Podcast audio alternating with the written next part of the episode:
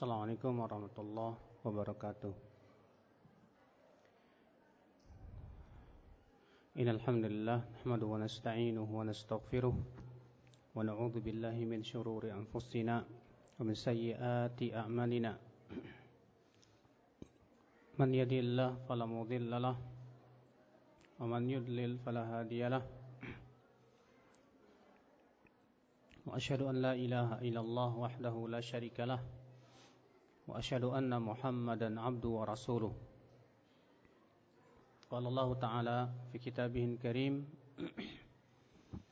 يا أيها الذين آمنوا اتقوا الله حق تقاته ولا تموتن إلا وأنتم مسلمون أما بعد Baik ibu-ibu sekalian Harap tidak ribut ya Bu ya Mendengarkan secara seksama Kajian kita di pagi hari ini Tema kita yaitu tentang keutamaan menaati suami, Bu. Dan bagaimana supaya kita bisa menaati suami. Ibu-ibu sekalian, menaati suami itu keutamaannya besar. Menjadi wanita-wanita yang taat kepada suaminya. Nabi Shallallahu Alaihi Wasallam bersabda dalam hadis riwayat Abu Daud ya, "Idza shallatil mar'atu khamsaha wa shamat syahraha wa farjaha wa ata'at ba'laha qila laha udkhulil jannah min haits min abwabil jannati syi'ti." Apabila seorang wanita sholat lima waktu berpuasa Ramadan, menjaga kemaluannya, dan menaati suaminya, maka akan dikatakan kepadanya, Masuklah kamu ke surga dari pintu surga yang kamu mau. Lihat ya, wanita yang sholat lima waktu, yang puasa Ramadan, yang menjaga kemaluan, dan yang terakhir menaati suami, akan dikatakan kepadanya silahkan masuk surga dari pintu surga yang kamu mau. Subhanallah. Besar sekali pahalanya ibu-ibu sekalian. Dalam hadis yang lain, Nabi SAW ditanya tentang ciri wanita solihat. Apa bagaimana wanita salihat itu? Nabi Shallallahu alaihi wasallam menyebutkan apa? Idza amartaha tuti'u. Kalau kamu menyuruh atau memerintahkan dia, maka dia akan menaati kamu. Jadi ciri istri salihat itu siapa? Yang taat kepada suaminya ibu-ibu sekalian. Jika ibu menaati suami dalam kebaikan. Maka surga surga insya Allah yang akan ibu dapatkan. Dalam hadis yang lain Rasulullah Shallallahu Alaihi Wasallam, ya, didatangi seorang wanita. Lalu wanita ini eh, Rasulullah SAW bersabda kepada wanita ini, ada tu zaujin anti, kamu punya suami? Kata wanita itu punya ya Rasulullah.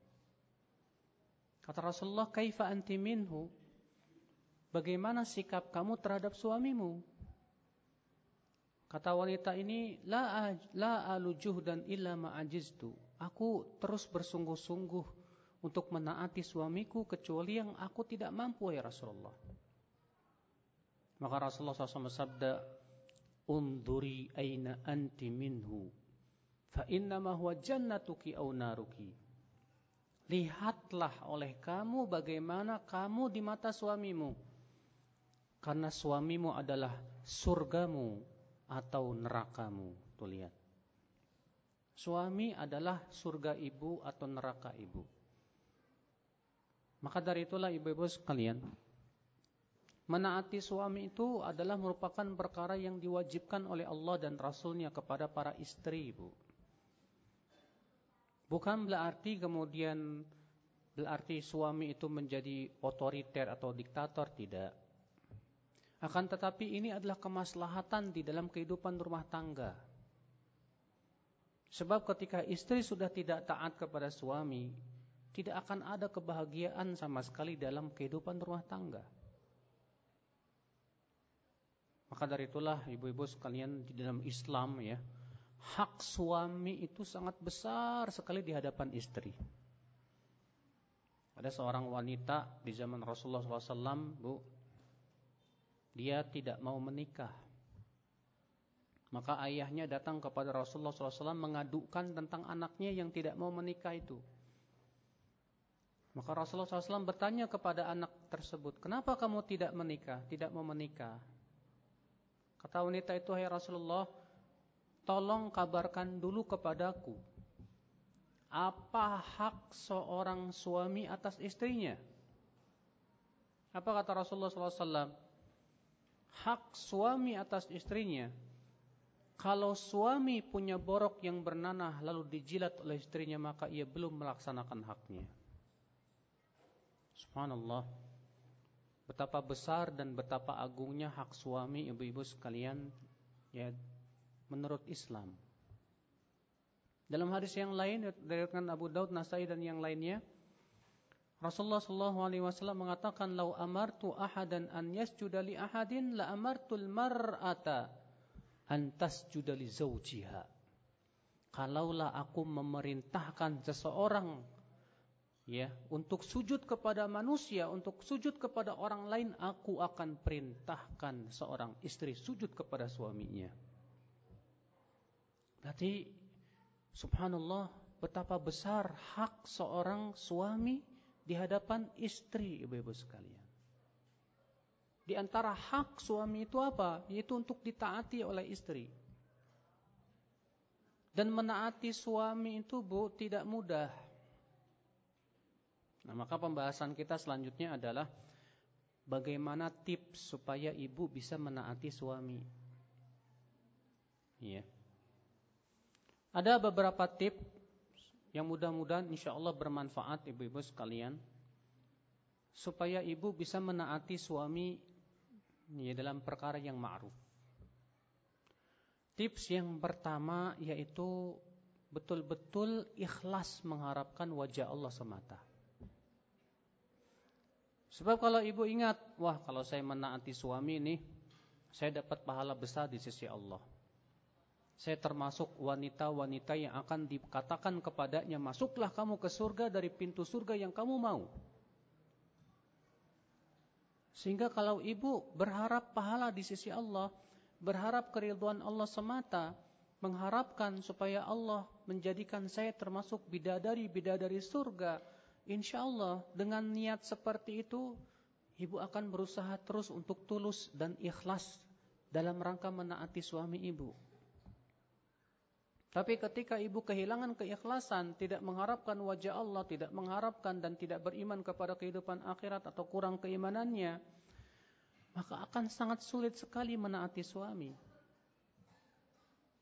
Maka ibu-ibu sekalian Carilah surga Allah pada suami ibu Carilah pahala yang besar di sisi Allah dengan cara menaati suami ibu tersebut. Ya. Jangan pernah ibu berkata begini, ah enaknya dia. Bu, itu namanya mendahulukan ego daripada mengharapkan keriduan Allah. Buang ego jauh-jauh. Yakinlah bahwa, kalau kita menaati Allah, dengan cara menaati suami, pasti Allah akan berikan kepada kita kemuliaan.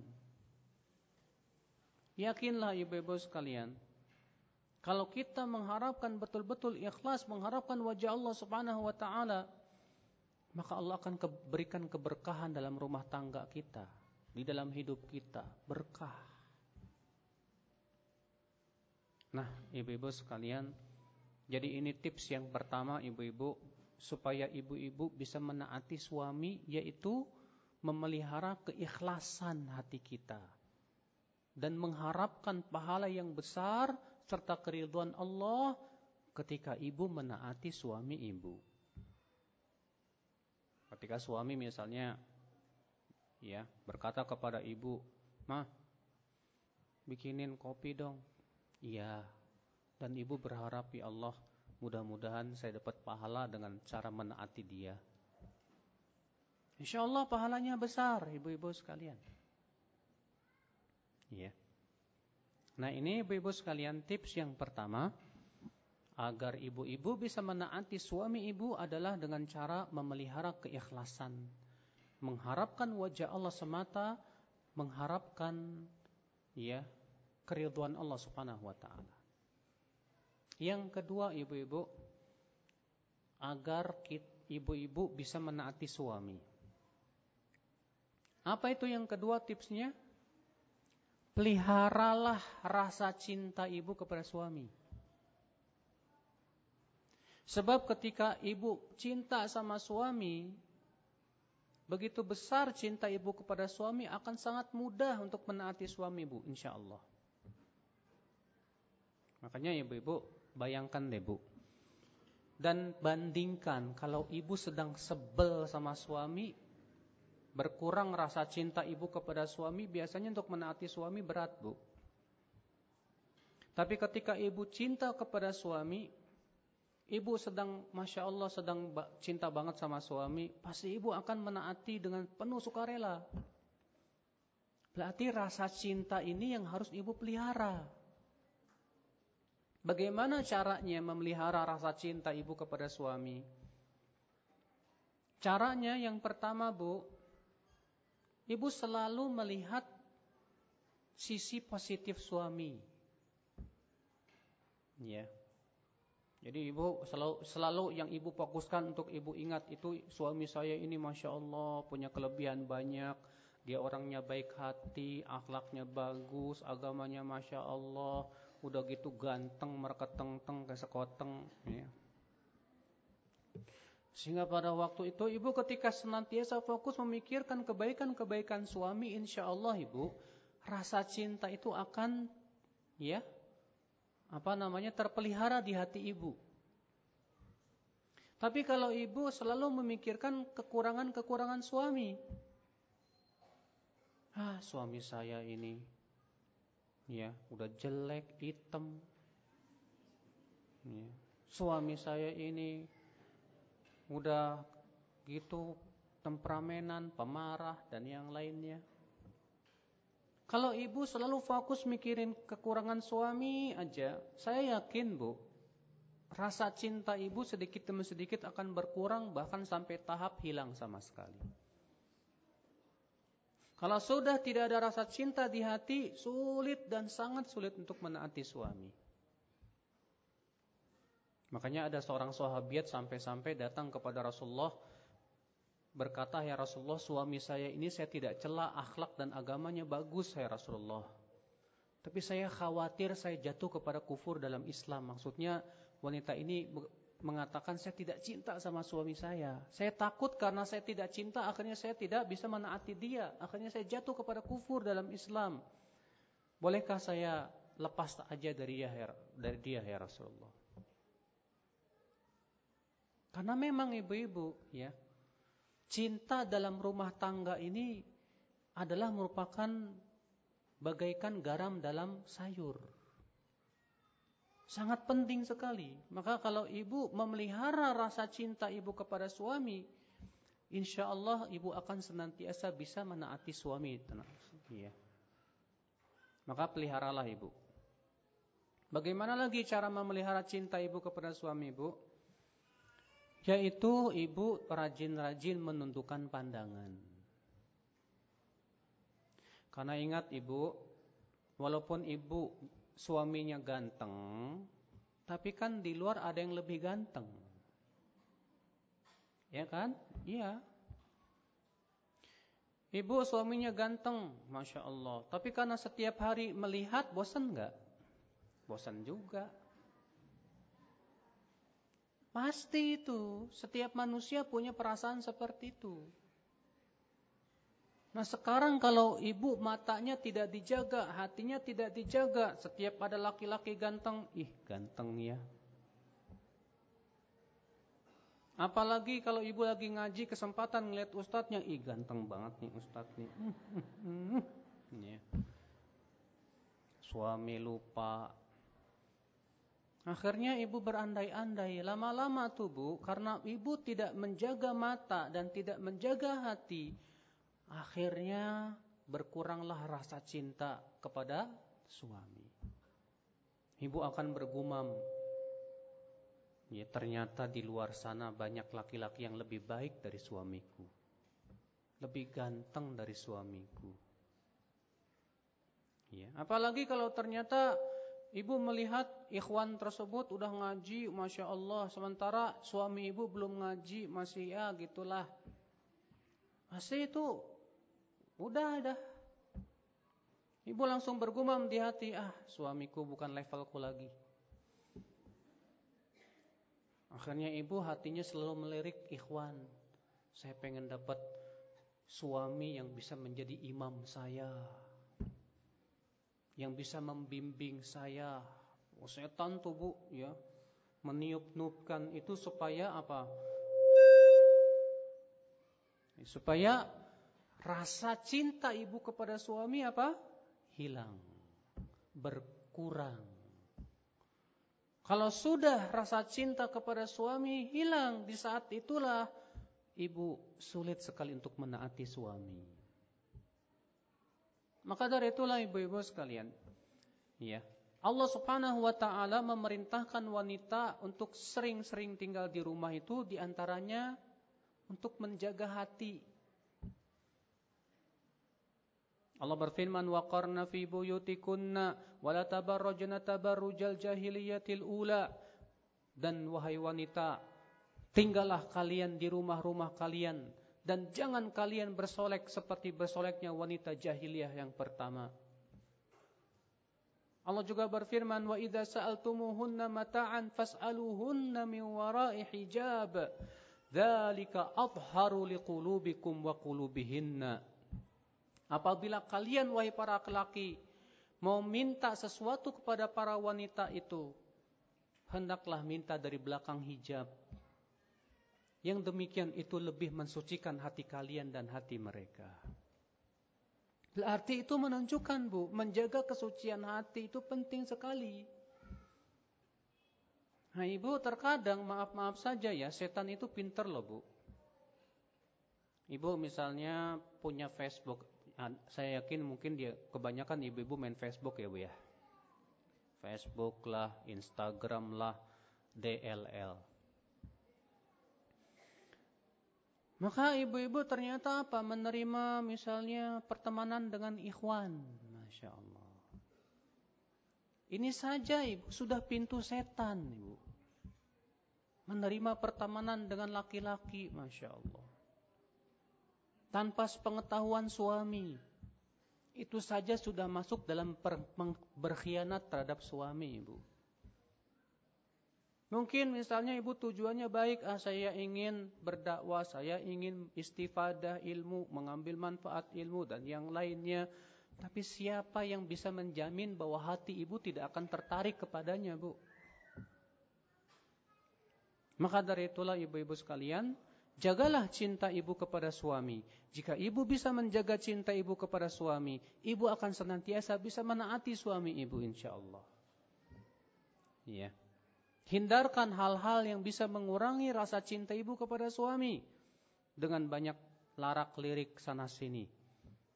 Menjaga hati juga jangan sampai ya malah jatuh cinta kepada laki-laki lain. Ibu-ibu sekalian, ini tips yang kedua ibu, supaya ibu bisa menaati suami. Apa yang kedua bu? Menjaga rasa cinta ibu kepada apa? Suami. Kalau ibu berkata, Ustadz, saya dari semenjak menikah sebetulnya nggak cinta sama suami. Kok bisa? Kok ibu mau nikah sama dia? Saya dipaksa sama orang tua kayak kayak zaman Siti Nubaya. Oh, kalau begitu ibu gunakan yang pertama tadi. Mengharapkan apa? Keriduan Allah. Ada di zaman Umar, ibu-ibu dengarkan jangan ngobrol. Ada seorang wanita ditanya oleh suaminya, "Wahai istriku,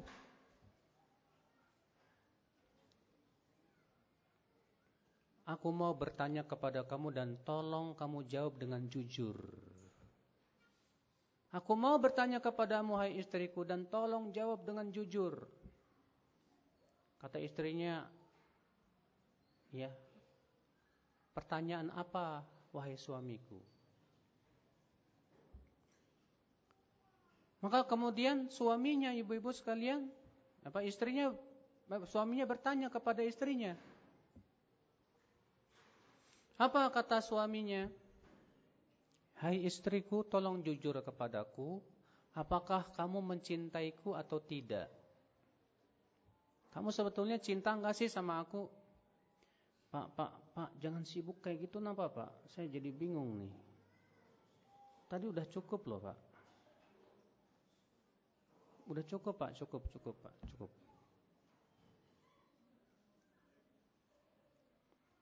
Ya sudah kalau begitu saya berhentikan dulu kajiannya.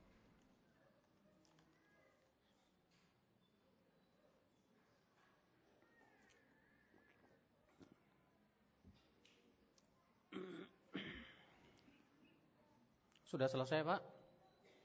Sudah? Hah? Kolas. Sampai mana tadi Ibu-Ibu? Hah? Oh iya. Jadi ada kisah di zaman Umar, ada seorang suami ditanya oleh istrinya. Apa? Orang seorang istri tanya oleh suaminya. "Hai istriku, tolong jujur kepadaku, kamu sebetulnya cinta enggak sih sama aku? Apa kata kata istrinya, hai suamiku, kalau kamu maunya aku jujur, terus terang aku tidak cinta kamu. Iya. Rupanya si istri ini kepikiran ibu. Pergilah ia kepada Umar bin Khattab. Lalu ia bertanya kepada Umar, wahai Amirul Mukminin, aku ditanya oleh suamiku dan aku diminta jujur. Dan aku jawab jasa sejujurnya bahwa aku tidak mencintaimu hai suamiku. Maka Umar berkata kepada kepada si wanita tersebut, "Kenapa kamu tidak berbohong saja? Berapa banyak rumah tangga yang dibangun bukan di atas cinta, tapi dibangun di atas berharap dan mengharapkan wajah Allah semata." Masya Allah. Ucapan Umar ini luar biasa sekali, Bu. Artinya ada rumah tangga-rumah tangga yang memang tidak dibangun di atas cinta. Suami istrinya nggak mencintai suami, tapi istrinya mengharapkan wajah Allah semata. Allah dia, dia ketika ia menaati suaminya, ia mengharapkan keriduan Allah saja. Ini bisa terjadi, Bu. Tapi kalau apabila yang kedua ini ada lebih dahsyat lagi insya Allah.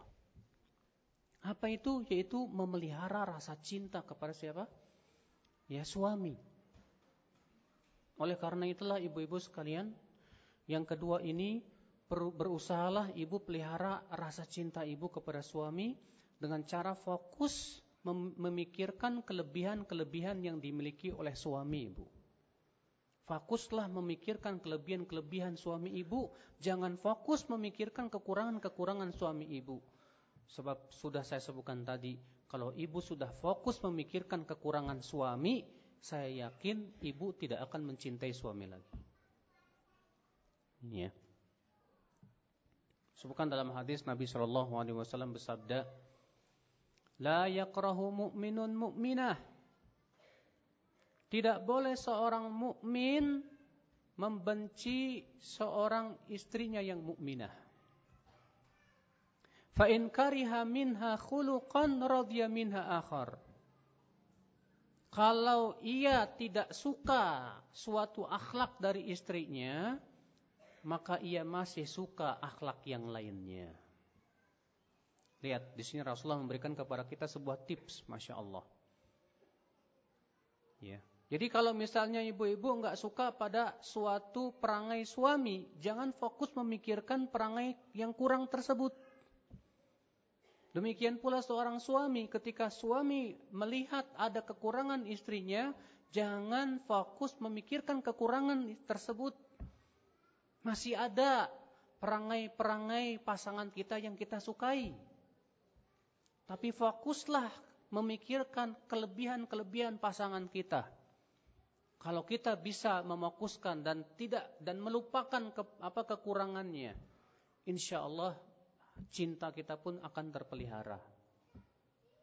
Tapi kalau kita hanya memikirkan kekurangannya, sudah saya sebutkan tadi, cinta kita lama-kelamaan akan hilang dan sirna.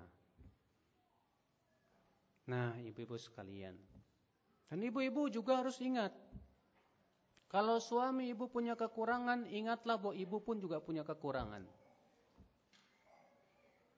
Kalau ibu punya kekurangan, suami punya kekurangan, bagaimana dong untuk menutupi kekurangan itu?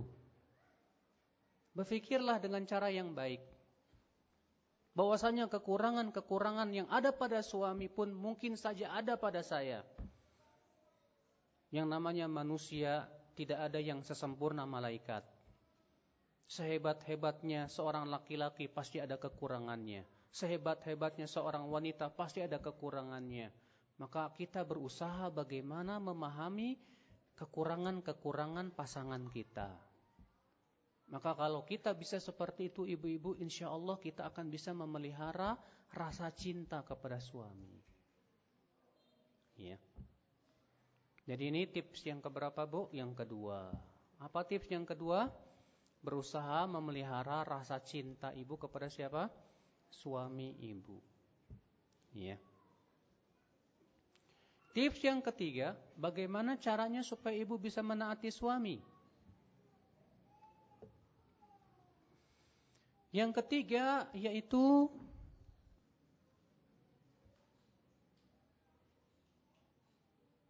bermujahadah di saat hati ibu merasa kesal kepada dia. Apa sih mujahadah, Bu? Mujahadah itu artinya berjihad melawan diri sendiri. Ya. Di saat ibu misalnya sedang kesal sama suami, Biasanya kalau lagi sekesal ibu, pasti sangat berat untuk menaati suami, ya nggak bu? Nah di saat itulah ibu harus berjihad melawan diri ibu sendiri. Ibu harus berpikir dan menggunakan akal pikiran, jangan menggunakan perasaan. Sebab kalau ibu menggunakan perasaan di saat itu, saya yakin ibu tidak akan bisa menaati suami. Sebab perasaan ibu di saat itu sedang kesal sama suami. Di saat ibu, ibu sedang marah sama suami. Yang namanya orang yang sedang marah, mau tidak mau dia ingin memuntahkan kemarahannya. Memuaskan kekesalannya, iya tidak? Iya. Nah, di saat itulah ibu ya, ibu selalu berpikir, kalau saya marah-marah sama suami, kira-kira apa yang saya bisa dapatkan? Apakah itu solusi dalam kehidupan rumah tangga saya? Kalau saya marah-marah sama suami, saya harus berpikir, ini sudah sudah poin dosa buat saya. Yang kedua, ini sudah menjadi pintu iblis dan setan buat saya. Yang ketiga, ini sudah menjadi sebuah pintu poin apa? Terbukanya pintu apa? perceraian dan yang lainnya. Maka segera ibu ya berlindung kepada Allah dari godaan setan yang terkutuk. Segera ibu sholat. Ya, di saat ibu sedang marah sama suami itu, ibu berjihad dengan cara seperti itu, takarub kepada Allah Subhanahu wa taala. Ibu berlindung auzubillahi minasyaitonirrajim ini dari setan. Segera ibu berwudu, ibu sholat, minta kepada Allah ya petunjuk dan kekuatan. Ya. Ini ibu-ibu sekalian. Jadi berjihad melawan hawa nafsu. Ya, dan jihad melawan hawa nafsu ibu terhadap suami ibu. Ini merupakan jihad yang masya Allah, bu. Rasulullah sallallahu alaihi wasallam Ya ketika ditanya ya Rasulullah ayul jihadi afdal? Wahai Rasulullah jihad apa yang paling utama ya Rasulullah? Kata Rasulullah antu jahida nafs, nafsaka hawaka li ta'atillah. Itu kamu menjihadi dirimu dan hawa nafsumu untuk menaati Allah subhanahu wa ta'ala. Hadis ini disahihkan dihasankan oleh Syekh Albani rahimahullah. Diriwayatkan oleh Ibnu Najjar dari hadis Abu Dzar. Lihat Rasulullah mengatakan jihad yang paling utama itu kamu mena kamu menjihadi dirimu dan hawa nafsumu untuk menaati Allah Subhanahu wa taala. Maka di saat ibu berat untuk menaati suami karena ibu sedang marah, sedang kesal kepada suami, di situlah letak jihad melawan diri sendiri ibu. Bu, di saat ibu sedang kesal sama suami ibu, ada sebuah tips yang saya ingin saya berikan kepada ibu. Para ulama memberikan kepada kita sebuah kaidah yang masya Allah. Kata mereka apa? Al-ajru biqadril masyaqqah.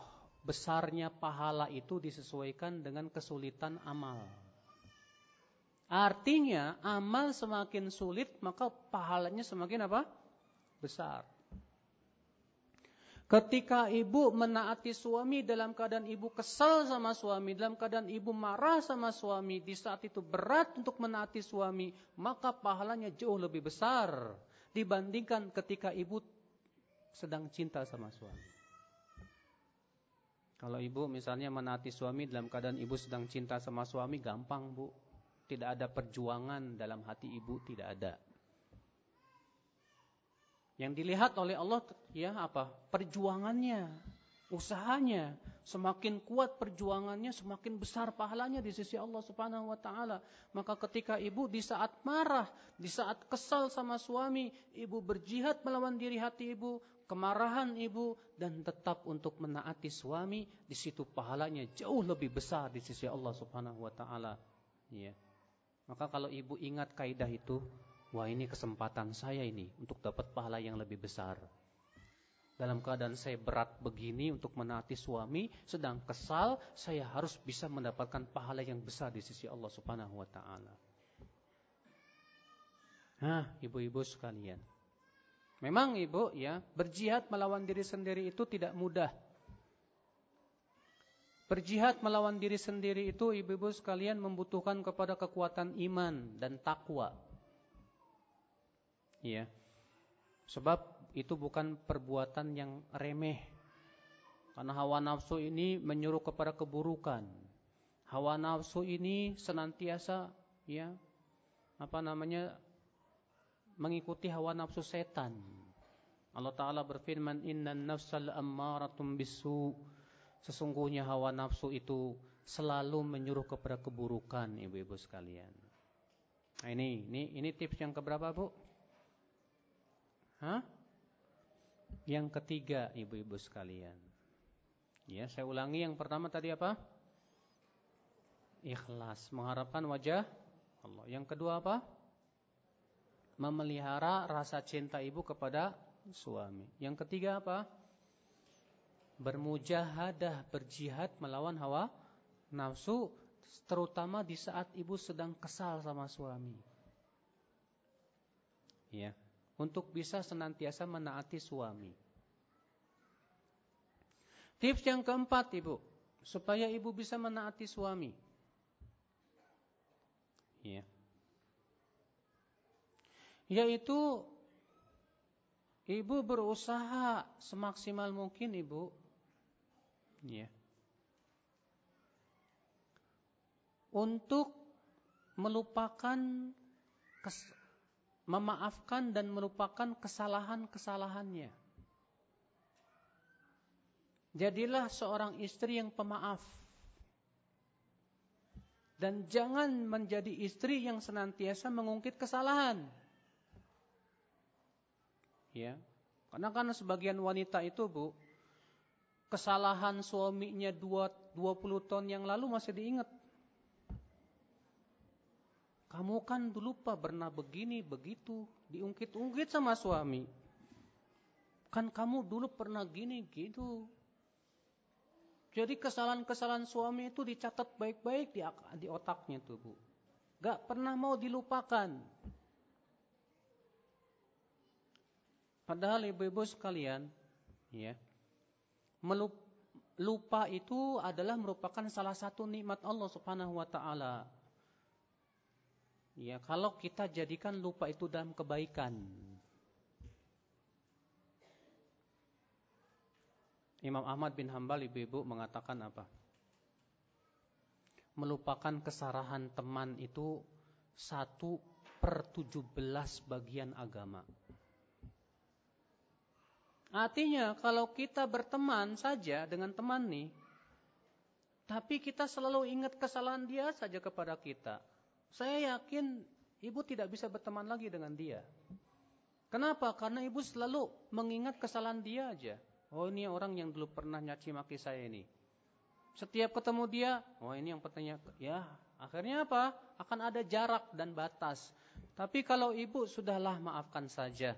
Yang sudah berlalu sudah berlalu. Manusia sehebat-hebatnya dia pasti akan jatuh kepada kesalahan. Maafkanlah saudaramu itu. Kalau itu kepada teman, apalagi kepada suami ibu. Maka seorang wanita, seorang istri, seorang suami harus banyak-banyak memaafkan kesalahan dan kekurangan pasangannya. Sebab kalau tidak demikian sulit sekali untuk menjaga hubungan yang baik dan harmonis. Ya. Jangan sekali-kali mengungkit-ungkit kesalahan dulu. Jangan sekali-kali mengungkit-ungkit, Biarlah yang dulu itu dulu, sekarang beda lagi. Suami itu sakit hati bu kalau diingkut-ingkut kesalahannya dulu. Kamu ini kok kenapa sih nginget-nginget kesalahan aku terus? Jadinya kesel sama si sama istrinya tuh bu. Nah ini ibu-ibu sekalian, ya ini tips yang keberapa? Yang keempat, apa itu? Hah? Ya, senantiasa melupakan dan mudah melupakan kekurangan dan kesalahan suami ibu kepada ibu.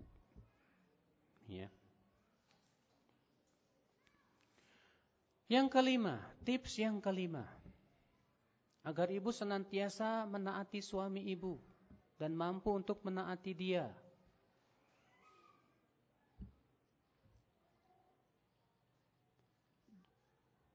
Jangan mudah berburuk sangka kepada suami. Jangan mudah apa? Berburuk sangka kepada suami. Jangan tiba-tiba kok ibu curiga sama suami, nggak ada apa-apa, nggak ada sebab, tahu-tahu curiga. Suami itu kalau dicurigai terus kesal bu. Ya, Mas, kamu pergi ke mana? Curiga duluan. Jangan-jangan, jangan-jangan gitu kan. Akhirnya suami nggak bebas. Yang seperti ini menyebabkan suaminya pengen bebas. Kok suami istri saya ini kok suzon banget Ustadz gimana ya Ustadz ya? Ibu tahu nggak bu, suami kalau disuzunin terus sama istrinya lama-lama cari yang baru bu. Biasanya begitu, ya. Tapi kalau ibu Masya Allah bisa memelihara husnudon sama suami. Makanya juga suami harus bisa menjaga husnudon istri kepada suami.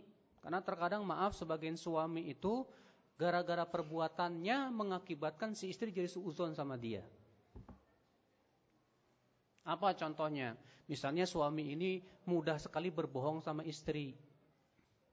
Berbohong sekali, dua kali, tiga kali, empat kali, tahu-tahu ketahuan dia bohong.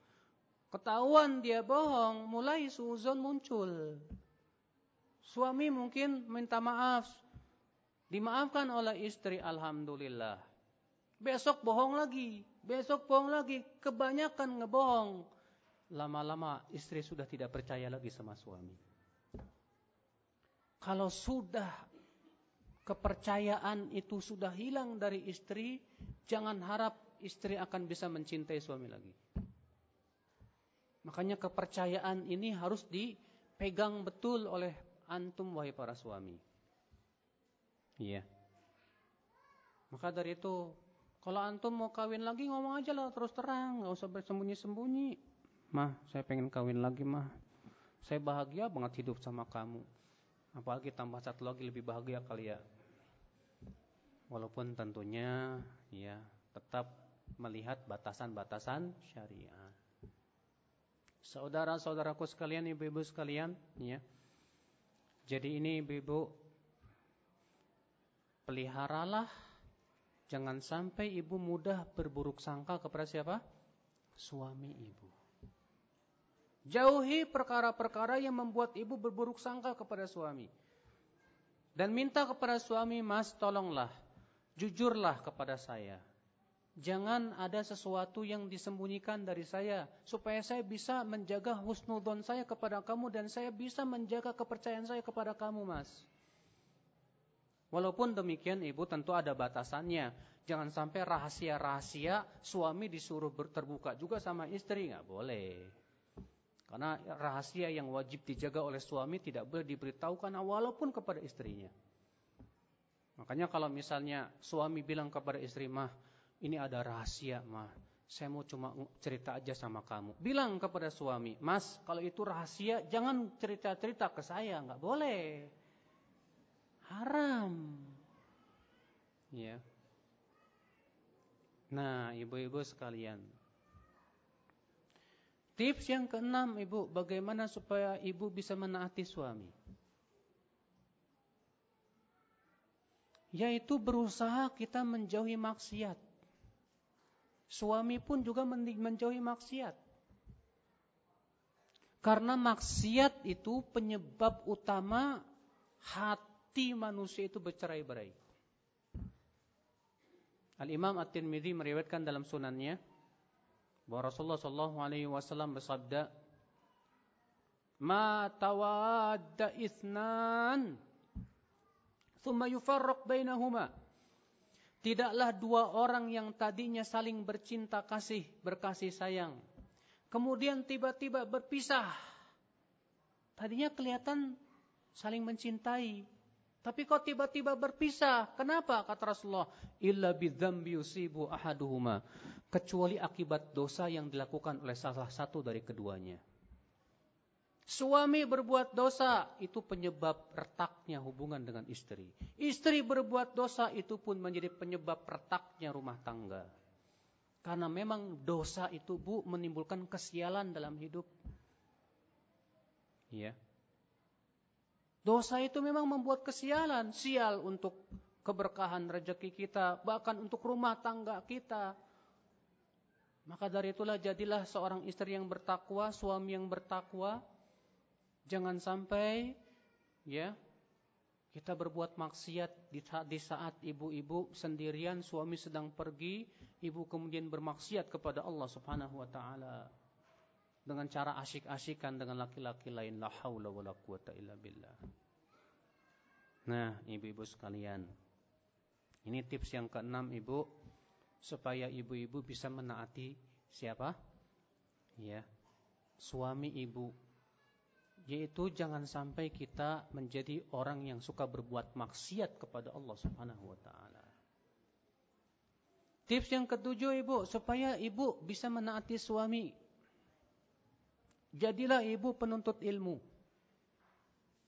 Karena dengan cara ibu menuntut ilmu, menuntut ilmu, menuntut ilmu, tahu banyak ilmu, ibu tahu ternyata betapa besar hak suami terhadap diri saya.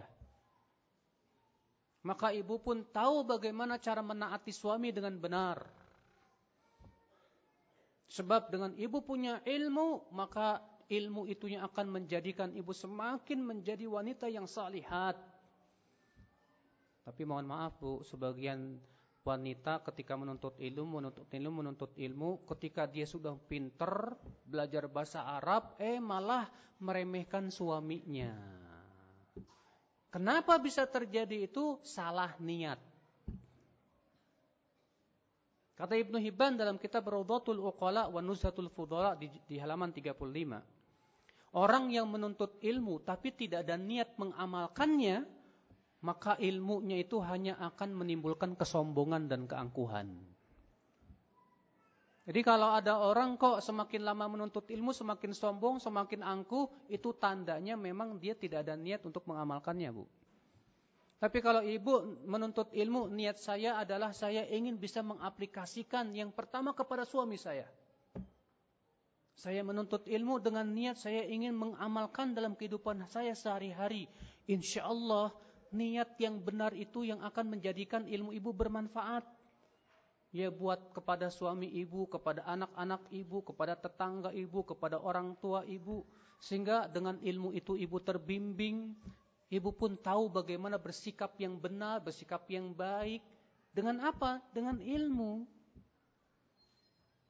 Nah, ibu-ibu sekalian, inilah tujuh tips yang saya berikan kepada ibu-ibu agar ibu-ibu bisa menaati apa? Suami. Pembahasan selanjutnya ibu-ibu. Iya. Kapan ibu-ibu tidak boleh menaati suami? Ketahuilah ibu, menaati suami sudah kita sebutkan tadi pahalanya besar bu. Tapi ingat ibu, tidak boleh menaati suami kalau suami meminta ibu berbuat maksiat. Tidak boleh ibu menaati suami kalau ternyata suami memerintahkan kepada maksiat. Contoh, mah, kita ke mall yuk, ayo. Tapi kamu dandan dong yang cantik.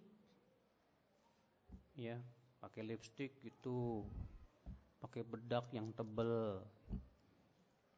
Malu saya bawa kamu kalau nggak cantik. Nah, ini ujian nih bu nih. Ternyata suaminya senang kalau laki-laki laki-laki lain bisa melihat istrinya cantik ini. Ini jenis suami yang dayuth. Suami yang tidak punya kecemburuan. Dia bahkan merasa senang dan bangga kalau istrinya bisa dinikmati oleh banyak laki-laki. Ini musibah ini ibu. Maka ibu berusahalah untuk menolak dengan cara yang halus mas. Kamu ridho nggak sih kecantikan saya ini dinikmati oleh banyak laki-laki? Kecantikan saya kan cuma untuk kamu, Mas. Kenapa Mas kok menyuruh saya untuk dandan berhias sementara Allah Subhanahu wa taala melarang seorang wanita untuk bersolek ketika ia keluar rumah? Allah berfirman dalam ayat yang sudah saya sebutkan tadi, "Wala tabarrajna tabarrujal jahiliyatil ula." Dan janganlah para wanita bersolek, berdandan, bertabarruj dengan seperti tabarruj, bersolek, berdandannya wanita jahiliyah yang pertama. Iya. Jangan ibu taati ibu. Saya mau tanya sama ibu-ibu. Siapa yang lebih ibu pilih, suami atau Allah dan Rasulnya? Bu, kok diem?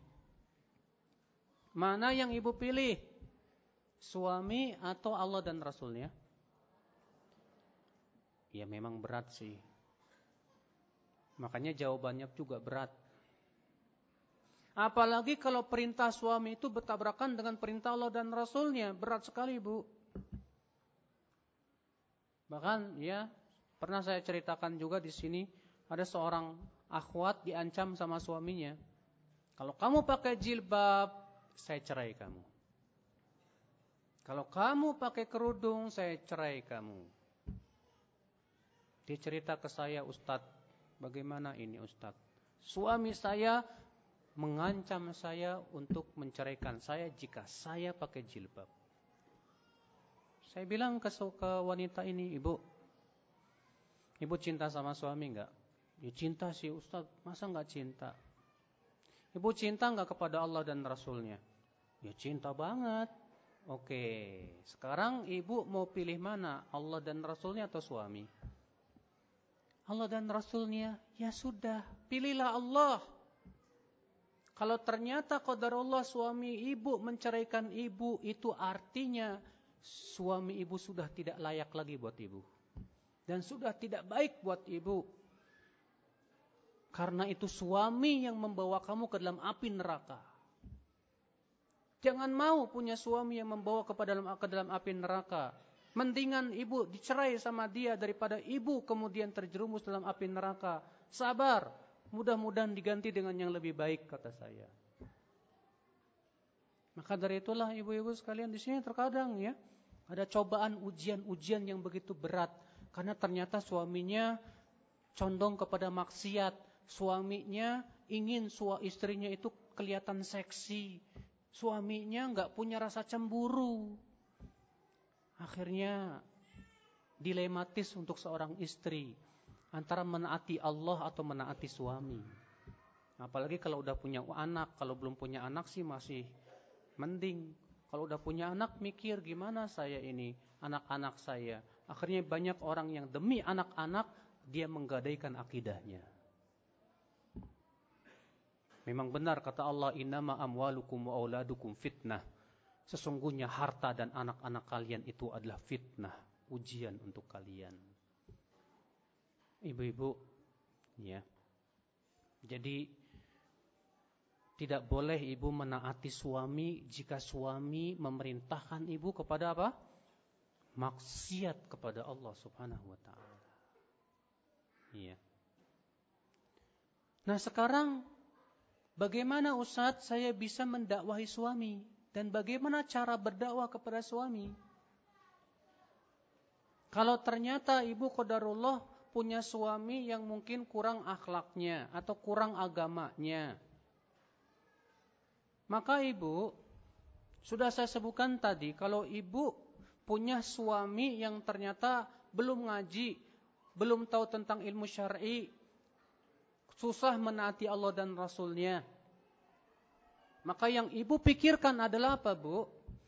Yang ibu pikirkan adalah bagaimana saya bisa mendapatkan unta merah dari suami saya. Caranya apa? Saya ingin mendakwahi suami saya. Bagaimana dong caranya mendakwai suami, Bu? Yang pertama, perbaiki dulu akhlak ibu kepada suami. Perbaikilah akhlak ibu kepada suami sebab kalau ibu akhlaknya mantap di depan suami, saya yakin, Bu, suami akan sayang kepada ibu. Ya. Tapi kalau ibu sama suami tidak punya akhlak, mata selalu melotot, suara selalu tinggi. Saya yakin suami ibu semakin tidak suka sama ibu. Makanya ibu-ibu, masya Allah ibu ya, saya diceritakan ya, ada jamaah yang di di sana di Bogor. Ya, waktu itu suami sama istrinya alhamdulillah udah ngaji sih ya. Istrinya cerita, Ustadz ini suami saya ini dulu pemabuk Ustaz. Setiap hari pulang jam 3 malam, pulang-pulang dalam keadaan mabuk Ustaz. Dan waktu itu saya udah ngaji Alhamdulillah. Saya bilang kok ibu bisa ya Bagaimana tuh tipsnya so ya kok ibu bisa menghadapi suami seperti itu? Sampai sekarang jadi udah ngaji gitu. Ya, tipsnya yang pertama saya berusaha untuk tetap memelihara akhlak saya kepada suami. Yang kedua saya berusaha terus mendoakan suami saya setiap saya tahajud. Ya Allah berikan hidayah kepada suami saya. Ya Allah berikan hidayah kepada suami saya. Yang ketiga saya berusaha untuk memperdengarkan ceramah-ceramah mudah-mudahan ada manfaatnya. Ya. Dan ternyata Allah ibu suaminya itu dapat hidayah bukan dari istrinya ternyata. Dari supirnya. Ya. Suaminya cerita ke saya, kalau saya Ustadz dapat tidak itu gara-gara supir saya. Kok bisa gitu Pak? Iya kan saya waktu itu lagi naik mobil, tahu-tahu supir saya nyeter radio roja. Ya. Saya bilang kamu ngapain sih? Nyetel kayak gituan. Pak, ya saya sih cuma mau dengerin ceramah aja Pak, masa nggak boleh? Tiap hari gitu, tiap hari lama-lama saya dengar juga. Saya dengar-dengar, saya mikir, mikir, mikir, ya Allah, benar juga ya. Akhirnya taubat dia ngaji. Bahkan sekarang suaminya lebih rajin ngajinya dari istrinya. Itu semua akibat dari apa? Kesabaran istri, akhlak istri, dan doanya. Keikhlasan dan doa itu yang sangat berpengaruh, Ibu. Ya. Makanya memang Masya Allah, untuk mendakwahi suami itu tidak mudah. Apalagi suami itu merasa punya apa? Power. Apalagi kalau suami punya merasa punya apa? Kekuatan.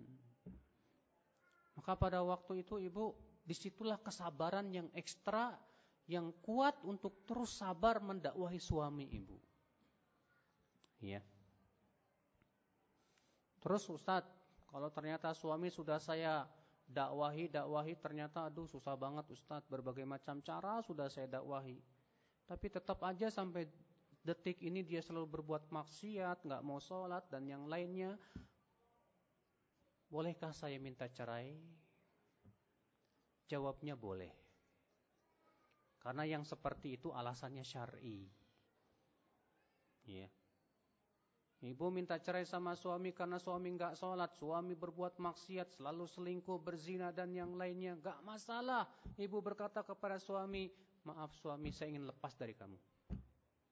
Saya ingin suami yang bisa membimbing saya ke surga. Bukan suami yang membimbing saya ke dalam api neraka. Sudahlah saya di, di dunia ini sementara, sudah gitu saya tersiksa oleh kamu yang selantiasa berbuat ya maksiat kepada Allah. Sudah gitu nanti di akhirat pun saya tersiksa, saya tidak mau. Maka pada waktu itu ya udah gimana lagi? Ya, kalau memang sudah berusaha semaksimal mungkin untuk mendakwahi suami tapi ternyata suami lebih memilih ya mengikuti hawa nafsu, setan dan yang lainnya ya walaupun tentunya tetap ibu ya berpikir bagaimana ibu bisa supaya mendakwahi suami ya supaya suami ibu mau kembali kepada Allah Subhanahu wa taala ya ibu-ibu sekalian ya semoga yang saya sampaikan bermanfaat kita buka tanya jawab barangkali ibu-ibu ada yang mau bertanya silahkan Ustadz, mengapa suami sensitif jika berbicara masalah finansial rumah tangga? Dan bagaimana solusi agar kami bisa berinteraksi dengannya ketika membicarakan masalah finansial rumah tangga. Memang ibu masalah finansial sangat sensitif karena kewajiban suamilah untuk mencarikan nafkah. Iya. Maka kewajiban ibu jangan punya sifat ingin tahu. Mas, saya pengen tahu tabungan kamu berapa sih sebetulnya di bank. Gak bagus bu. Suami kalau ditanya begitu marah. Kenapa? Karena ibu sudah masuk dalam perkara yang itu bukan urusan ibu. Bukan urusan ibu untuk bertanya tentang ya duit suami bukan. Ibu itu tidak diperintahkan oleh Allah dan Rasulnya untuk senantiasa menghitung-hitung kekayaan suami, bukan. Yang diperintahkan oleh Allah kepada ibu menaati suami, menjalankan sebagai sebagaimana seorang istri menjalankan dalam hak-hak suami dan yang lainnya. Makanya tidak ada satupun ibu para sahabat yang bertanya kepada suaminya, eh mas, ya kamu duitnya berapa sih? Ya, gaji kamu berapa sih? Nggak ada bu. Dahulu bu, ibu-ibu kok ngobrol, dengerin. Dahulu ibu istri-istri Nabi Shallallahu Alaihi Wasallam rupanya datang ke Rasulullah minta tambahan nafkah. Minta tambahan nafkah kepada Rasulullah Shallallahu Alaihi Wasallam. Maka Rasulullah marah. Maka Rasulullah SAW meninggalkan istri-istrinya selama 29 hari. Sampai-sampai sebagian sahabat ada yang menganggap bahwa Rasulullah menceraikan ya istri-istrinya. Setelah selesai 29 hari Rasulullah SAW memanggil istrinya satu-satu lalu ditanya, ya, jika kamu lebih memilih Allah dan Rasulnya, kamu akan tetap jadi istriku. Tapi kalau kamu lebih memilih dunia, aku akan ceraikan kamu dengan cara yang baik dan aku akan berikan kamu ke dunia. Ya. Ternyata istri-istri Nabi lebih memilih apa yang ada di sisi Allah Subhanahu wa taala. Maka dari itu Ibu, ya. Memang sangat-sangat sensitif sekali kalau suami ditanya masalah finansial, pasti itu. Ya. Yang jelas ibu sudah diberikan nafkah yang cukup, alhamdulillah bersyukurlah. ibu sudah diberikan oleh suami ya sesuatu yang cukup ya berupa makan, pakaian, demikian pula untuk anak-anak cukup udah selesai. Enggak usah mikir yang lebih dari itu. Jadilah wanita yang qanaah, merasa puas dengan yang ada. Ya. Kecuali kalau memang suami tidak memberi kepada ibu yang cukup. Sebulan cuma dikasih 300 ribu coba Ustadz. Sementara kebutuhan lebih banyak dari itu. Akhirnya saya yang harus banting tulang mencari nafkah kelebihannya. Wah ini berarti suami yang gak punya tanggung jawab. Dosa di sisi Allah subhanahu wa ta'ala. Tapi kalau suami sudah memberikan yang cukup kepada ibu, sudah memberikan rumah, sudah memberikan, masya Allah, alhamdulillah, masih aja ibu ngulik-ngulik suami, ya, supaya diberi yang lebih. Ini sebetulnya akhlak yang buruk dari seorang istri, ibu. Ya, tidak baik seorang istri melakukan itu.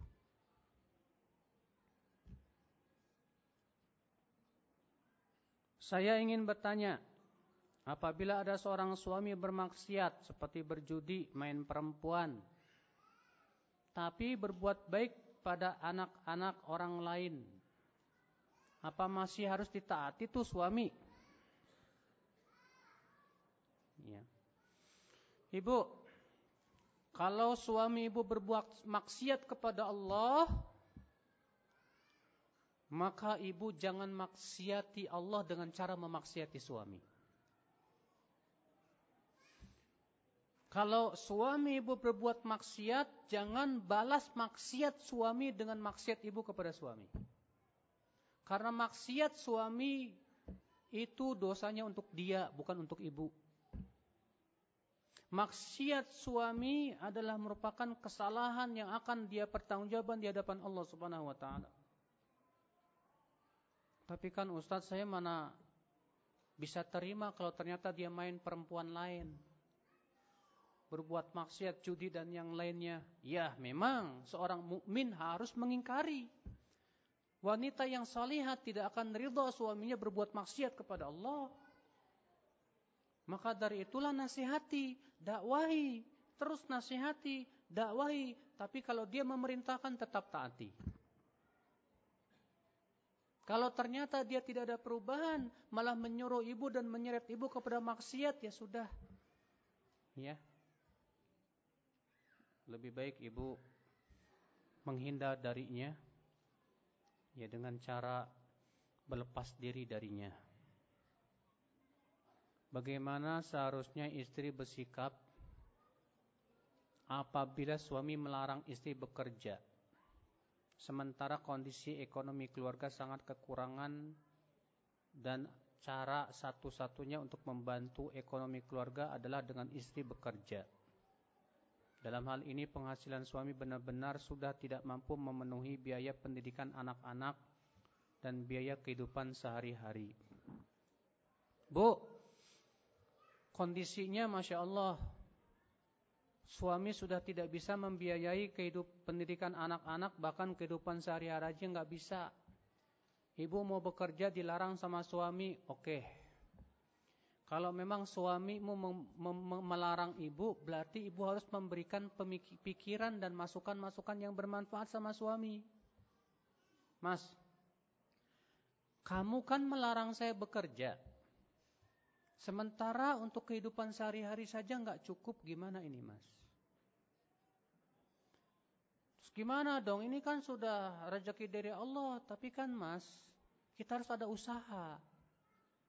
Bagaimana caranya supaya bisa tertutupi ini kebutuhan sehari-hari ini? Ya. Berikan masukan, bagaimana Mas kalau saya belajar menjahit, nanti saya buka jahit menjahit. Bagaimana kalau saya belajar bikin kue, bikin makanan yang enak, nanti saya makanan-makanan itu bisa dijual di warung-warung dan yang lainnya. Ya, bagaimana kalau saya ya apa namanya bikin sebuah kerajinan, kerajinan itu bisa dijual di toko-toko dan yang lainnya. Nah, coba Ibu memberikan masukan terkadang ada jenis suami itu yang tidak apa namanya pikirannya nggak bisa berkembang bagaimana sih caranya berbisnis dan dan yang lainnya gitu loh. Coba ibu berikan masukan. Iya. Jalan-jalan solusi-solusi yang mudah-mudahan itu bermanfaat buat suami ibu agar dia mau bersungguh-sungguh dalam mencari nafkah. Yang kedua, ibu harus punya senjata kona'ah. Kona'ah itu merasa puas dengan yang ada. Ya, Rasulullah sallallahu alaihi wasallam eh, Imam Syafi'i berkata, "Idza ma kunta dza qalbin qanu'in fa anta wa malikud dunya sawa."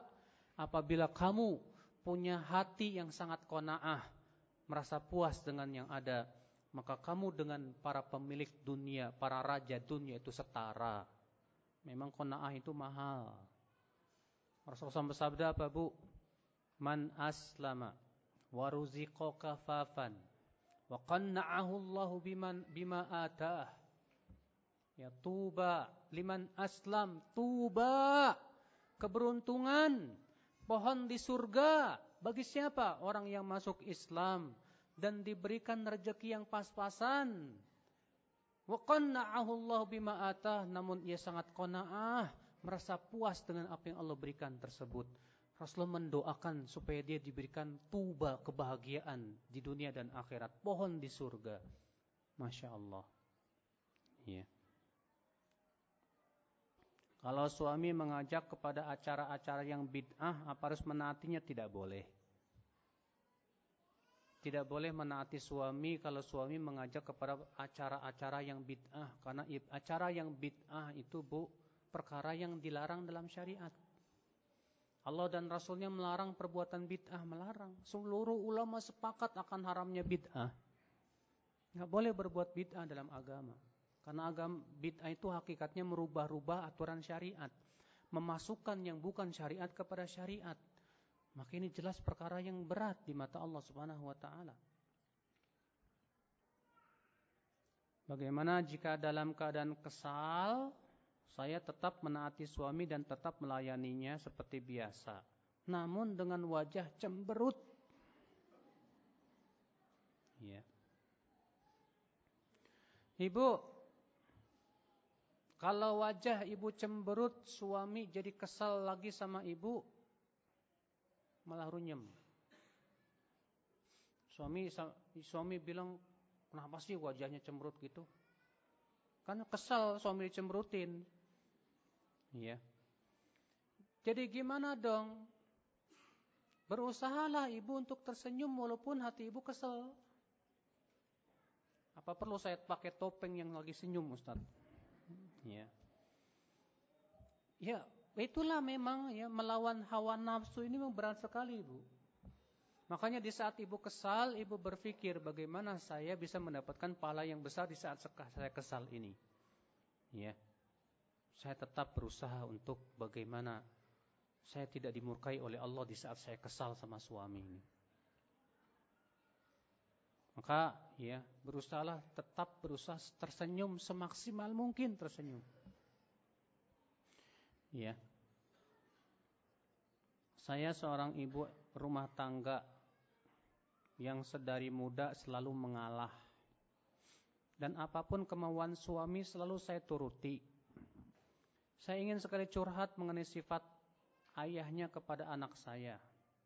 Boleh enggak Ustadz? Bu, ibu berkata sedari muda selalu mengalah. Apa pun kemauan suami saya turuti. Seakan-akan ibu ingin berkata begini, sudah saatnya saya enggak mengalah. Iya. Ini salah besar, ibu salah besar. Dan ibu memang harus selalu begitu sampai ibu meninggal dunia. Sebab kalau ibu tidak itu, tidak begitu, ibu tidak akan mendapatkan surga Allah Subhanahu wa taala. Dan jangan sekali-kali ibu merasa punya jasa dengan perbuatan seperti itu. Kenapa? Sebab itu semua karunia Allah yang Allah berikan kepada ibu. Allah jadikan ibu mau mengalah, mau menuruti kemauan suami itu pahala besar buat ibu selesai. Kemudian ibu ungkit, ungkit, ungkit kepada suami, batal semuanya. Allah berfirman, "Ya ayyuhalladzina amanu la tubtilu shadaqatikum bil manni wal adha." Hai orang-orang yang beriman, jangan kamu batalkan sedekah kamu dengan cara mengungkit-ungkit dan menyakiti hati. Kata para ulama, mengungkit-ungkit kebaikan kita kepada seseorang membatalkan amalan kita tersebut. Maka ketika ibu mengungkit kepada suami, saya ini sudah sedari muda, ya, mengalah sama kamu dan yang lainnya. Bu, jangan mengungkit, tolong. Sebab kalau ibu mengungkit-ungkit saya khawatir Allah batalkan amalan ibu percuma itu. Berpuluh-puluh tahun ibu bersabar. Gara-gara ibu mengungkit-ungkit akhirnya Allah batalkan amalan ibu. Hati-hati ibu-ibu. Ya. Jadi saya mau curhat ini masalah sifat dia kepada anak saya gimana ya Ustadz? Di sini banyak Ustadz insya Allah untuk bisa ibu curhat ada Ustadz Fauzi dan Ustadz yang lainnya mereka lebih tua dari saya lebih berpengalaman dalam rumah tangga ya apabila seorang suami tidak pernah menjadi imam dalam sholat di rumah itu hukumnya gimana bagus karena kewajiban suami sholat di masjid bukan di rumah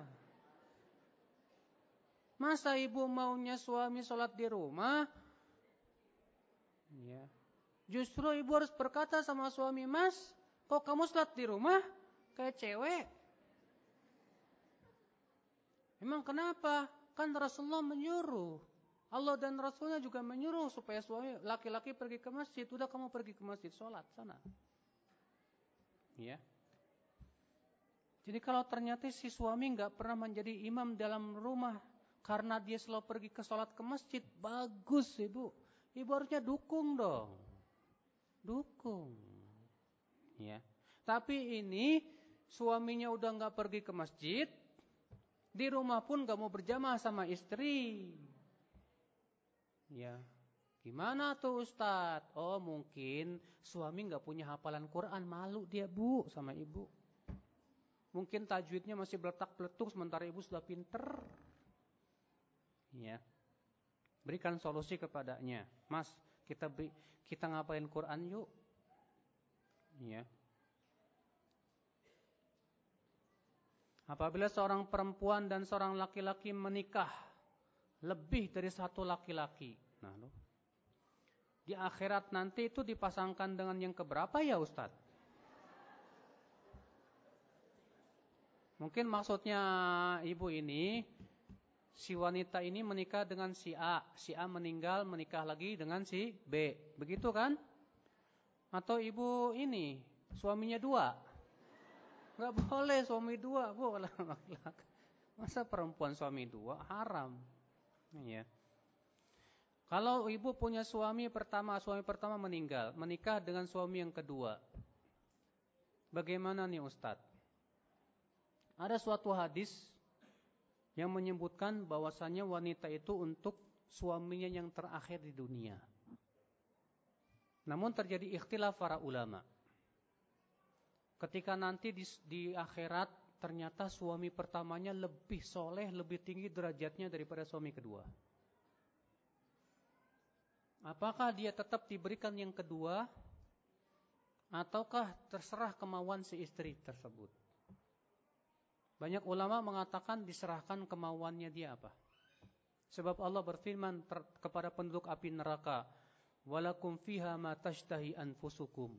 Untuk kalian apa yang kalian mau silahkan.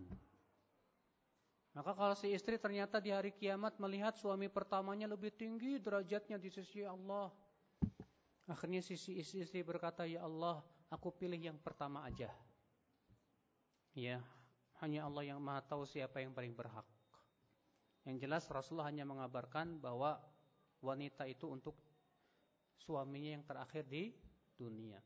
Kalau memang ternyata di akhirat Allah mengizinkan ibu bertemu dengan yang pertama, Alhamdulillah.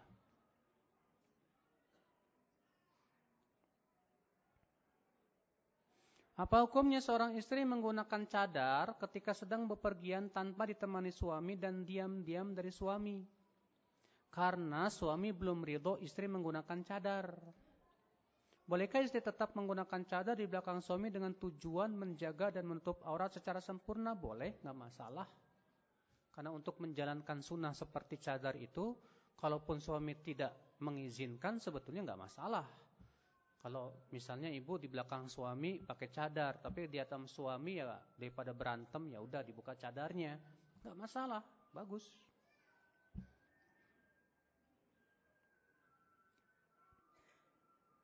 Apakah anak hasil perzinahan boleh dinisbatkan pada bapak kandungnya? Wanita yang berzina ini dilihat dia punya suami apa enggak. Kalau wanita yang berzina ini tidak punya suami, maka ia dinisbatkan kepada ibunya. Tapi kalau wanita yang berzina ini punya suami, maka ia anaknya tersebut dinisbatkan kepada suaminya. Kenapa? Berdasarkan hadis Nabi SAW, al-waladu lil firash. Ya.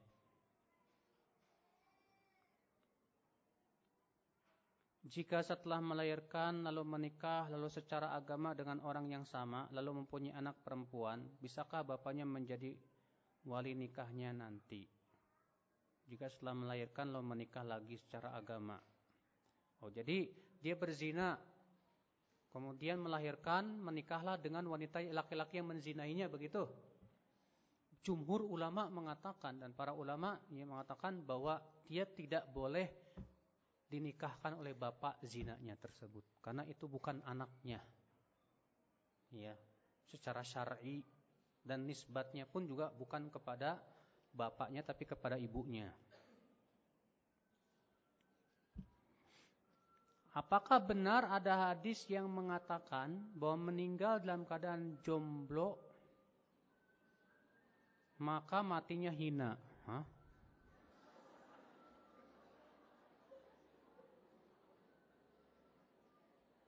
Ini jomblo apa joglo sih bu? Apa benar ada hadis yang mengatakan bahwa meninggal dalam keadaan joglo? Joglo apa? Jomblo. Jomblo maka matinya hina. Enggak ada. Enggak ada satupun hadis yang mengatakan siapa yang meninggal dalam keadaan belum menikah, masih lajang, masih bujangan, maka matinya hina. Enggak ada, Ibu. Iya.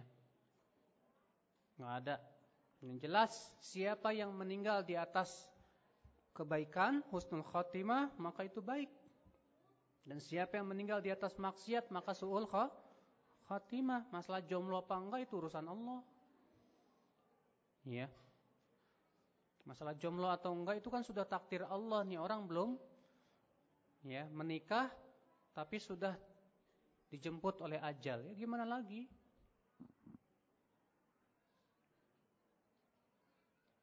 Apakah bapak saya yang sudah ditinggal ibu sudah sudah lima tahun harus menikah lagi Ustadz?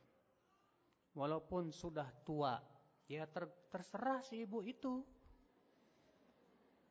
Kalau dia mau menikah ya silakan kalau ada laki-laki yang mau. Kalau ada dia nggak nikah lagi juga nggak masalah selama dia merasa yakin tidak akan jatuh kepada zina.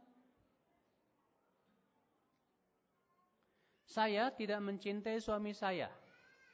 Saya niatkan semua karena Allah. Sekarang suami saya minta izin poligami. Saya setujui. Tetapi ternyata calon istrinya bukan wanita baik-baik. Saya menggugat suami karena sudah tidak bisa menjadi imam dalam keluarga. Apakah saya berdosa? Berdosa. Kenapa? Masalah dia wanita kurang baik-baik itu urusan dia. Dosa wanita tersebut tidak akan ditanggung oleh ibu. Jadi kenapa kok tiba ibu-ibu ibu yang minta apa? Cerai padahal ibu yang menyetujui.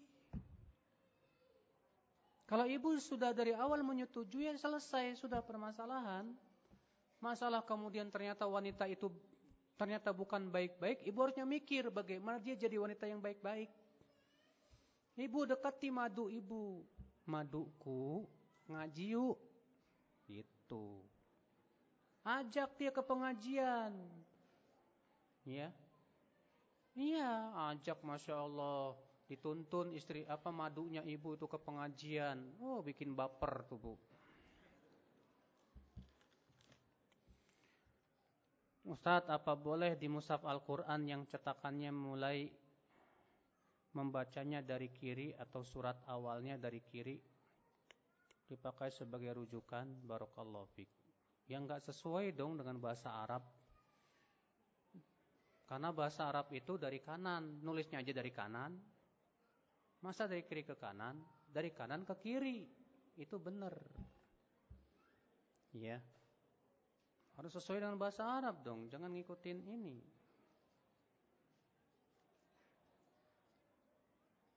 Banyak banget ya pertanyaannya.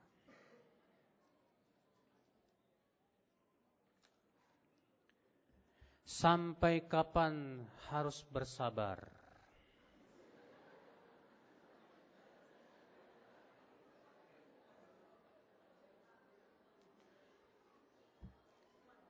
Sulit menerima suami yang poligami tiba-tiba pulang memperkenalkan istrinya yang lebih muda dan cantik. Ibu bertanya kepada saya sampai kapan ibu bercadar, eh bersabar. Jawaban saya adalah ibu bersabar, bersabar sampai meninggal dunia. Lo kok bisa begitu? Iya. Sekarang saya mau tanya Bu. Rasulullah SAW istrinya berapa? Rasulullah istri berapa?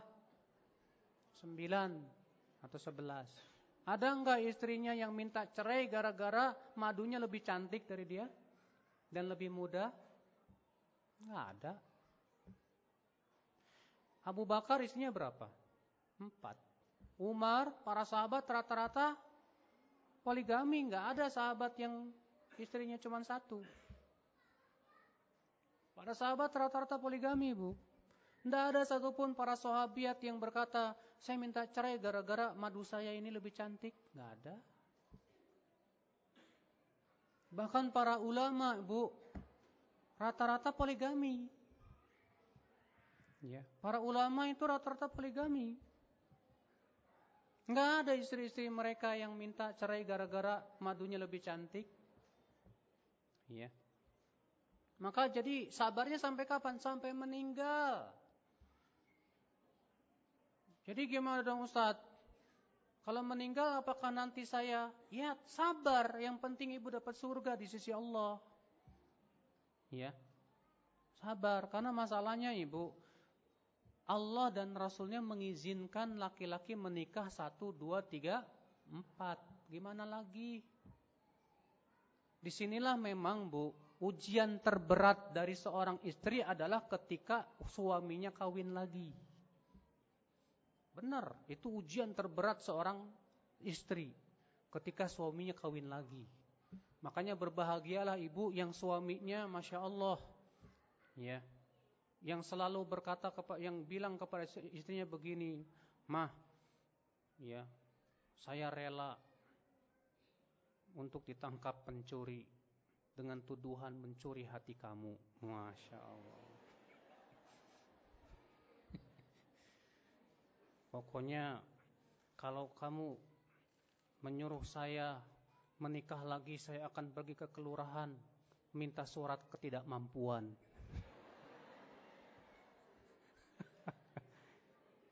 Gombal.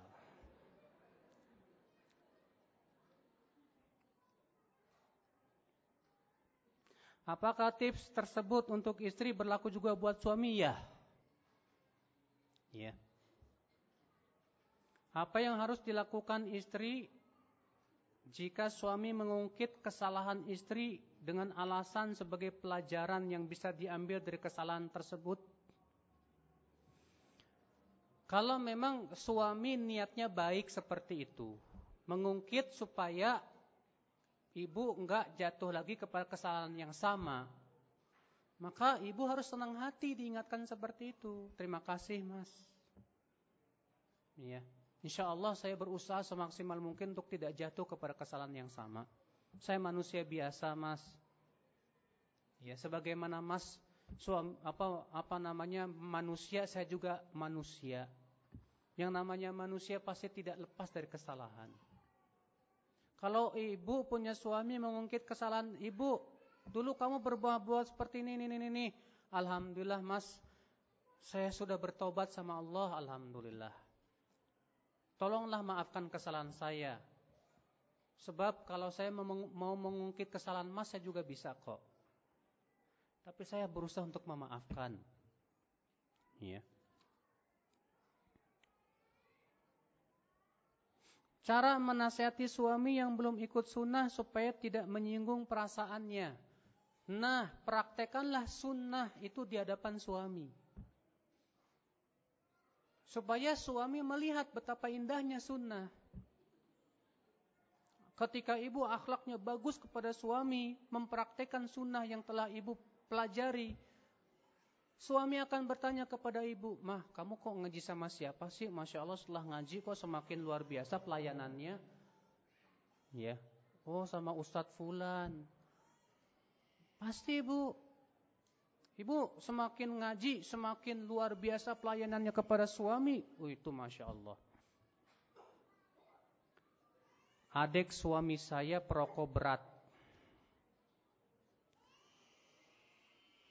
Bolehkah seorang istri membuatkan kopi?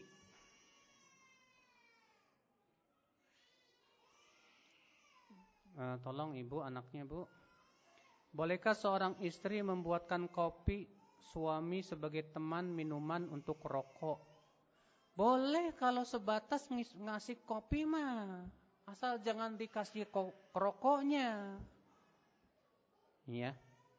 Nggak apa-apa. Buatkan kopi, kemudian sajikan kopi sambil disimpan di situ buku kecil tentang hukum rokok. Nah, itu Bu. Ya.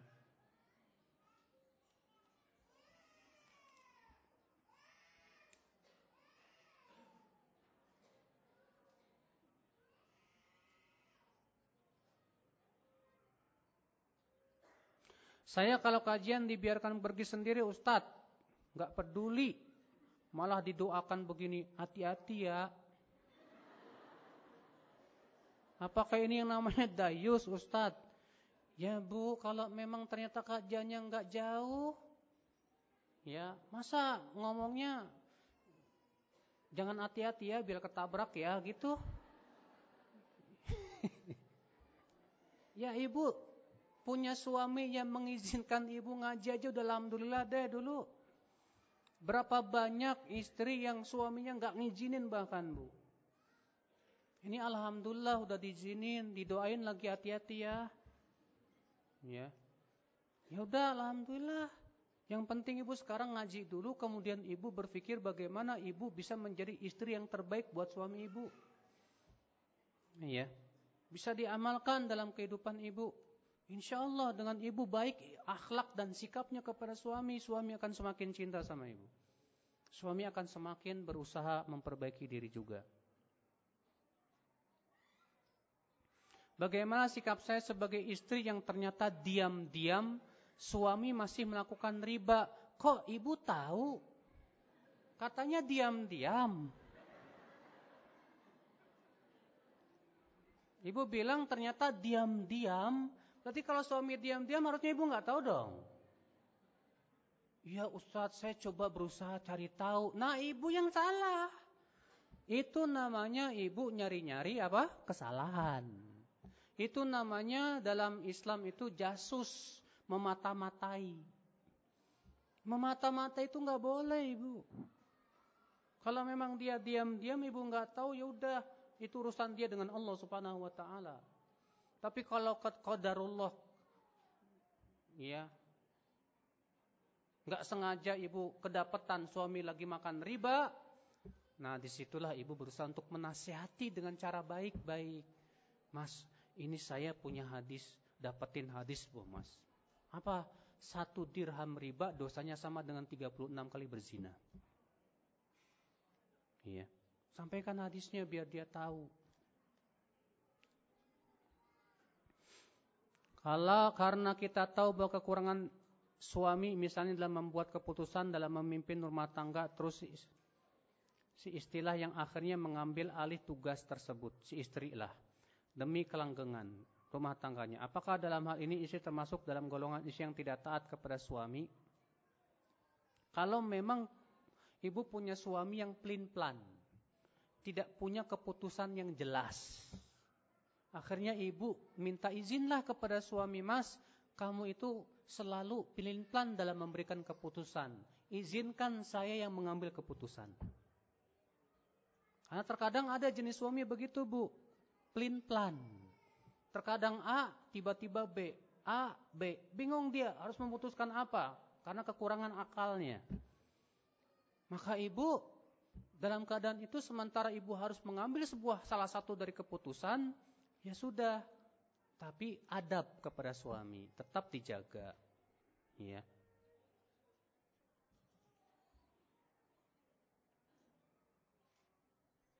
Apa yang harus saya lakukan kepada suami yang perhitungan banget Ustadz? Perhitungan dalam hal belanja, dapur, biaya sekolah, biaya berobat. Mungkin suami ibu ini kali ya Bu ya. Bendahara atau sekretaris perusahaan. Ya akuntan. Jadi semuanya ditulis. Ya. Ibu kalau punya suami seperti itu ya nggak masalah Bu, sabar aja. Kenapa? Mungkin suami ibu tahu ibu itu orangnya boros. Mungkin semuanya itu ibu supaya suami mengajarkan kepada ibu agar kalau belanja itu mikir-mikir apa manfaatnya. Jangan terlalu apa? Berhura-hura, berpoya-poya. Jangan, bagus. Makanya positive thinking aja deh sama suami.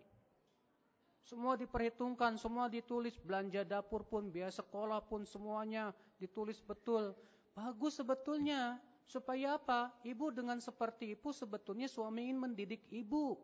Supaya ibu betul-betul disiplin dalam masalah belanja, dalam masalah segala-galanya. Ya. Maka dari itulah ibu-ibu sekalian. Ya. Jadi positif thinking dulu tuh. Suami seperti itu saya yakin dia ingin kebaikan yang terbaik untuk istrinya. Saya yakin itu. Ya. Saya yakin suami ini tidak ingin istrinya tertipu dengan apa? Banyaknya belanjaan. Bisa belanja sana, bisa belanja sini. Akhirnya akhlak istri saya lama-lama kalau begini nantinya apa? Jadi manja. Ya. Ya memang Kenyataan demikian ketika suami terlalu royal sama istri semua dikasih, semua dikasih duit, nggak perhitungan. Akhirnya apa? Istrinya terbiasa beri bawang barang ini, mobil ini, beli ini, beli itu. Akhirnya apa? Ketika suaminya ngasih yang sedikit, cemberut. Memang mudorot, betul. Maka mungkin suaminya ini ingin mengajari istrinya kebaikan buat dia insya Allah. Saat berikan kami nasihat bagaimana agar kami kaum hawa dapat menerima takdir saat suami berpoligami. Langsung ibu ingat Rasulullah. Suami saya berpoligami, dulu Rasulullah berpoligami. Ibu langsung ingat para sahabat, suami saya berpoligami, para sahabat semua berpoligami. Mungkin suami saya ingin mengikuti Rasulullah dan para sahabatnya. Rasulullah bersabda, ibu langsung ingat hadis. Khairukum aksarukum nisaan. Sebaik-baik kamu adalah yang paling banyak istrinya. Wah, suami saya menjadi yang terbaik. Masya Allah, Alhamdulillah. Ya. Begitu ibu. Bagaimana menyikapi kehidupan rumah tangga yang berbeda manhaj antara suami dan istri? Berusahalah untuk menyatukannya dengan cara ngaji bareng-bareng. Saling sharing ilmu dan terus ya apa namanya memberikan hujah-hujah yang kuat yang membuat ya mereka kembali kepada kebenaran. Kalau dituntut patuh ke suami, bagaimana kalau ibu mertua ikut campur? Ikut campurnya dalam masalah apa nih? Kalau ikut campurnya dalam kebaikan bagus nggak masalah. Tapi kalau ikut campurnya dalam hal rumah tangga, kita lihat lagi. Kalau memang ikut campurnya untuk supaya rumah tangga jadi lebih baik dan lebih bagus, nggak masalah. Tapi gara-gara ikut campur mertua akhirnya hubungan dengan suami semakin jauh, semakin retak dan yang lainnya, ya, di mana ibu mertua ternyata orangnya sangat matre, ya, dan yang lainnya ya tentu berusahalah yang pertama ibu menjadi menantu yang terbaik dengan cara memperlihatkan kesabaran dan akhlak yang mulia. Ya. Dan insya Allah kalau ibu berakhlak bagus kepada mertua, mertua sayang banget sama menantunya insya Allah bu. Ya dia akan berusaha untuk memberikan yang terbaik kepada ibu.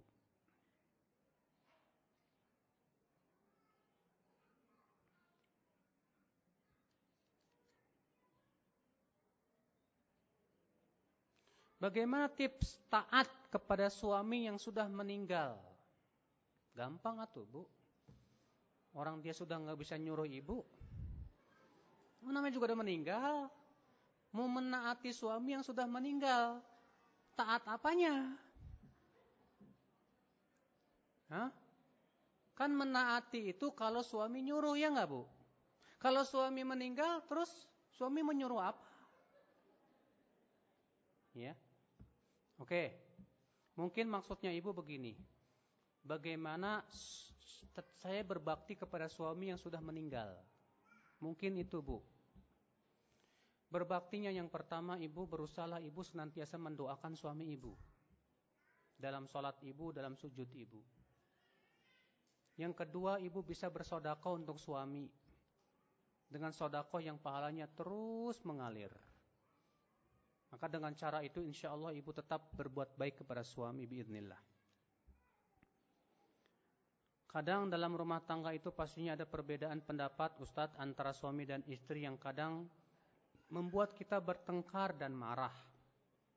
Apakah ini termasuk kita ini istri kufur kepada suami, Bu? Kalau ibu berbeda pendapat dengan suami, harus ada parameter yang jelas antara suami dan istri. Allah mengatakan apa, Bu? Fa in tanaza'tum fi syai'in farudduhu ila Allahi war Rasul. Jika kalian berselisih dalam suatu permasalahan, kembalikan kepada Allah dan Rasulnya. Allah menyebutkan jika kalian berselisih dalam suatu permasalahan, permasalahan apa? Allah tidak menentukan, pokoknya semua permasalahan, bahkan permasalahan dalam rumah tangga. Maka kalau ibu misalnya berbeda pendapat dengan suami, cobalah suami ajak kepada yang lebih dekat kepada yang yang syari yang lebih dekat kepada syariat. Bilang, "Mas, kita kan nih berbeda pendapat nih, Mas." Sementara Allah mengatakan jika kamu berselisih kembalikan kepada Allah dan Rasulnya. Gimana Mas kalau kita kembali kepada Allah dan Rasulnya melihat dalil mana yang lebih dekat kepada Allah dan Rasulnya itu yang kita ambil. Bagaimana? Coba sampaikan begitu sama ibu kepada suami. Ya.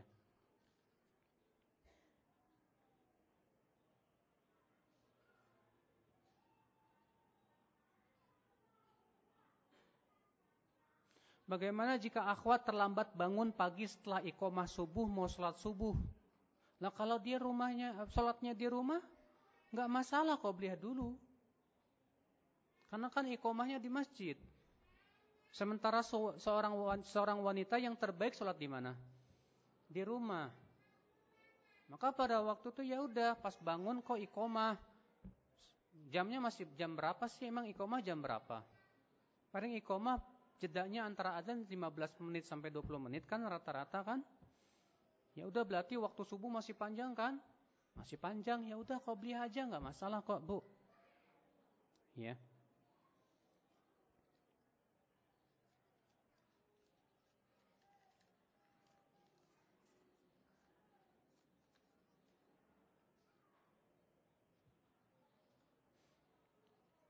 Apa yang harus dilakukan untuk menebus kesalahan istri ketika istri mengkhianati suami?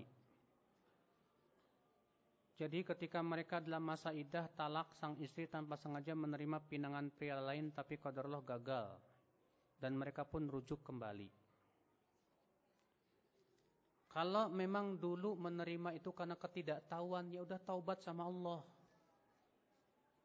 Karena masalahnya itu dosa kamu kepada Allah Subhanahu wa taala. Taubat kepada Allah Subhanahu wa taala. Saya nggak tahu gimana lagi. Ya, kalau sudah rujuk alhamdulillah perbaikilah akhlak kamu kepada suami kamu. Ya, semaksimal mungkin untuk berbakti kepadanya. Wallahu alam, semoga yang saya sampaikan bermanfaat.